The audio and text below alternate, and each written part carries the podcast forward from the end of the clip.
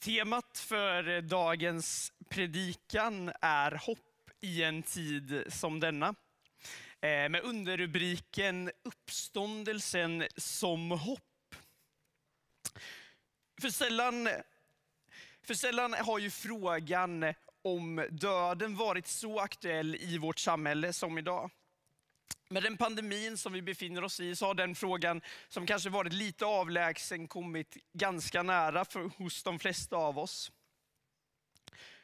Den har påmint oss om att livet är ganska skört, ganska bräckligt. Och frågan jag skulle vilja utforska med dig idag, det är, är döden slutet eller finns det något mer? Och när man ska fundera på den där frågan så finns det ju hur många olika tankar och idéer som finns runt omkring oss. Eh, så vi, och vi kommer ju utgå från ett kristet perspektiv. Vad säger Bibeln om det här? Men det som är viktigt att ha med sig om när vi ska tänka på det här är att det finns massa andra idéer. Om man bara tar en idé är ju att det finns inget hopp efter döden. Det är ju ganska många ibland som tänker så i vårt samhälle. Döden är slutet. Men om man kollar på annat som finns i andra religiöst tänkande, så är det att det handlar om våra goda gärningar som avgör framtiden. Så låt mig få utveckla det lite mer. I det buddhistiska tänkandet så handlar det om karma. Att genom goda gärningar att återfödas till ett bättre nästa liv. I det islamska tänkandet så handlar det istället om att du har två keruber, en på vardera axel. En som räknar dina goda gärningar som ger plus 10, en som räknar dina dåliga gärningar som ger minus 1. Hamnar du på plus i slutet så får du paradiset. Men även alltså, liknande tankar finns i det mer kanske sekulära samhället i stort. Att vi har ju uttryck i Sverige som, som du bäddar får du ligga, som du bäddar får du ligga. Du får, med det, du, får, du får vad du förtjänar.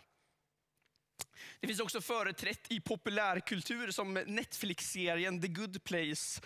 Där det handlar om att hamna på plus eller minus. Vissa gärningar är positiva, andra negativa. Och hamnar du på plus i slutet så kommer det till dig good place. Alltså om man ska sammanfatta det så handlar det om att i stort sett är det samma sak. Det handlar om goda gärningar. Den enda skillnaden är vad är det goda och vad är det onda? Och med allt det runt omkring oss så kanske vi tänker så om den kristna tron, att det handlar om mina och dina goda gärningar. Men när vi läser Bibeln så är det någonting helt annat som träder fram. Det kristna hoppet står ytterst sett och faller med ett händelseförlopp i historien. Två historiska händelser. En persons gärningar. Och det är att Jesus dog och att han uppstod. Att Jesus spikades upp och dog på ett kors utanför Jerusalem på den plats som kallas Dödskalleplatsen eller Golgata. Och den andra, att han efter tre dagar uppstod från de döda och graven han lades i är tom. Och Det är det vi ska titta närmare på, de här två händelserna. För det är historiska händelser som vi kan kolla. Är det rimligt att tro på det här? Och Den första frågan egentligen man behöver ställa sig när vi kollar på Jesus, om man är, frågan är, var han faktiskt en historisk person? Fanns det någon från Jesus från Nasaret? För det finns ju vissa i vår tid som säger att det finns ingen Jesus från Nasaret, det är bara något man har hittat på. Men är det rimligt att tänka så? Det finns något som kallas den historiska forskningen på den historiska Jesus. Det innebär alltså det är akademiker som forskar på den historiska Jesus. De källor som finns till, tillgängliga, det är alltså Bibeln och några andra källor runt omkring. Vad säger de om Jesus? Finns det tillräckligt mycket belägg att tänka att han överhuvudtaget fanns? Och vad kan vi säga med säkerhet att vi kan veta om hans liv? Och Det som jag tycker är spännande när jag har efterforskat det inför idag, det är att man kommer fram till tre saker som alla är i stort sett överens om. Majoriteten av alla som har forskat, oavsett om de identifierar sig som kristna eller inte, kommer fram till att man kan veta tre saker om den historiska Jesus. Den första är att man kan veta att det fanns en person som hette Jesus från Nasaret som levde i Israel på den här tiden. Det andra man kan veta det är att han döptes i Jordanfloden av Johannes döparen. Och den tredje spännande är, den tredje spännande saken man kan veta, det är att de är överens om att Jesus dog på korset i Jerusalem. För det är den andra frågan vi behöver ställa oss. Det är, amen, kan vi tro att Jesus dog på korset? Är den här händelsen rimlig? Och den historiska forskningen på Jesus kommer fram till, ja men det är så. Det är faktiskt så att Jesus dog på korset. Och det kan man se genom Bibelns källor i Nya Testamentet, framförallt evangelierna. Men också andra källor som finns runt omkring, bland annat Flavius Josefus, som är en judisk historieskrivare, som tar upp att Jesus, att han levde, att han fanns och att han dödades under Pontius Pilatus. Så det är någonstans slutsatsen vi kan dra i den första frågan, det som är lite nästan orimligt att tänka, det är att det är inte kontroversiellt att tro att Jesus fanns eller att han dog på korset, utan det är liksom det faktan pekar på. Och Det lämnar oss då till den andra frågan om uppståndelsen. Det som någonstans kanske blir huvudfrågan vi ska kolla på Uppstod Jesus från de döda? Är graven tom? Men innan vi gräver lite djupare i det där, så tänker jag att det är en annan fråga man behöver ställa sig. Men vad spelar det för roll egentligen? Är det här verkligen så viktigt att ta reda på? Vad är det, vad är det liksom som står på spel? Och för att besvara den frågan så ska vi läsa en bibeltext från första Korintierbrevet kapitel 15, vers 12 till 19. Och då står det så här. Men om det nu förkunnas att Kristus har uppstått från de döda, hur kan då några bland er säga det finns, att det inte finns någon uppståndelse från de döda? Om det inte finns någon uppståndelse från de döda uppståndelse från de döda har inte heller Kristus uppstått. Men om Kristus inte har uppstått, eh, om Kristus inte har uppstått, ja då är vår förkunnelse tom, tom också er tro. Om det, och då visar, visar det sig att vi har vittnat falskt om Gud, eftersom vi har vittnat om Gud, att han uppväckt Kristus som man ju inte kan ha uppväckt om det är sant att de döda inte uppstår. Ty om inga döda uppstår kan heller inte Kristus uppstått. Men om Kristus inte har uppstått, då är er tro meningslös och ni är det ännu kvar i era synder. Det är också det som avlidit i tron på Kristus förlorade. Gäller vårt hopp till Kristus bara detta livet, då är vi det mest ömkansvärda bland människor. Vad är det egentligen? Det är Paulus som skriver här till en församling i Korint. Det är några som börjar, har börjat gå runt och säga, men det finns ingen uppståndelse från de döda. Men om det är sant att det inte finns någon uppståndelse från döda, då har inte Jesus heller uppstått. För det verkar vara så, från Paulus resonemang, den naturliga konsekvensen av att Jesus uppstått från de döda, det är att det finns uppståndelse för oss också. Och han går vidare, att han, det är som att han hänger upp hela den kristna tron på det att om Jesus har uppstått, då är den kristna tron jätteviktig. Men om Jesus inte uppstått, då är den kristna tron meningslös. Det finns inget hopp att hitta där. Det som man, han sammanfattar det väldigt bra i den sista versen, vers 19. Gäller vårt hopp till Kristus bara detta livet, alltså Kristus betyder Jesus, då, har, då är vi det mest ömkansvärda bland människor. Och vad betyder ömkansvärda? Alltså det är de, man skulle kunna säga att det är de som det är mest synd om i hela världen. Den grupp som man skulle säga de minsta, de mest tragiska människorna som finns, det är de kristna om Jesus inte uppstått. Med andra ord är det här väldigt viktigt. Och det är inte så att det finns något mellanläge, att Jesus uppstod lite grann. Det är antingen ja eller nej. Så frågan vi ska ställa oss då är, vad, vad, kan, vi, vad kan vi säga om uppståndelsen? Vad finns det, att, vad finns det för alternativ? Det finns två saker som vi behöver titta på när vi ska närma oss uppståndelsen. Det första är att vi är säkra på att Jesus dog och att han lades i en grav. Tre dagar senare är den graven tom. Så första frågan vi behöver fundera på, varför är det så? Och Den andra frågan är att hans lärjungar, från att ha varit livrädda, suttit och gömt sig, så bara några dagar senare så börjar de gå runt att vi har mött den här uppståndne Jesus. De verkar ha gjort en genuin, alltså en äkta upplevelse att de mött den uppståndne Jesus. Hur kommer det sig? Liksom, vad finns det för förklaring på det?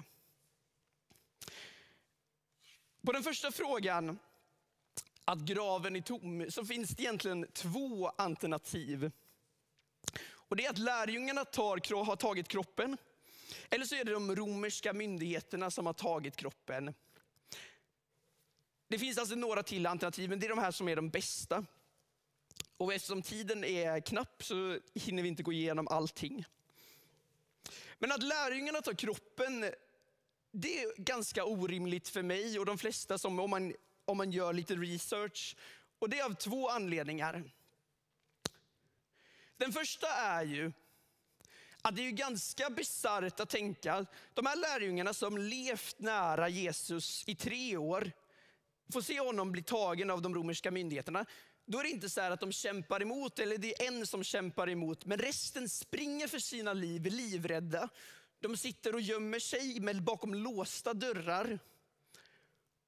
Vad är, vad är, hur troligt är det att efter tre dagar en av dem säger, grabbar jag har en idé.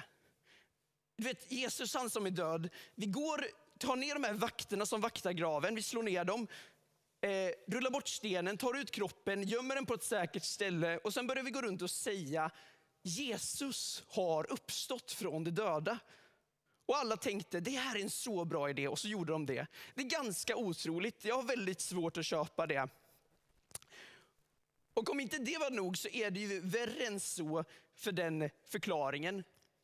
För i stort sett alla lärjungarna, de fick uppleva förföljelse, de fick de blev torterade. De flesta av dem fick faktiskt ge sina liv för att de sa, jag tror att Jesus lever, att han har uppstått.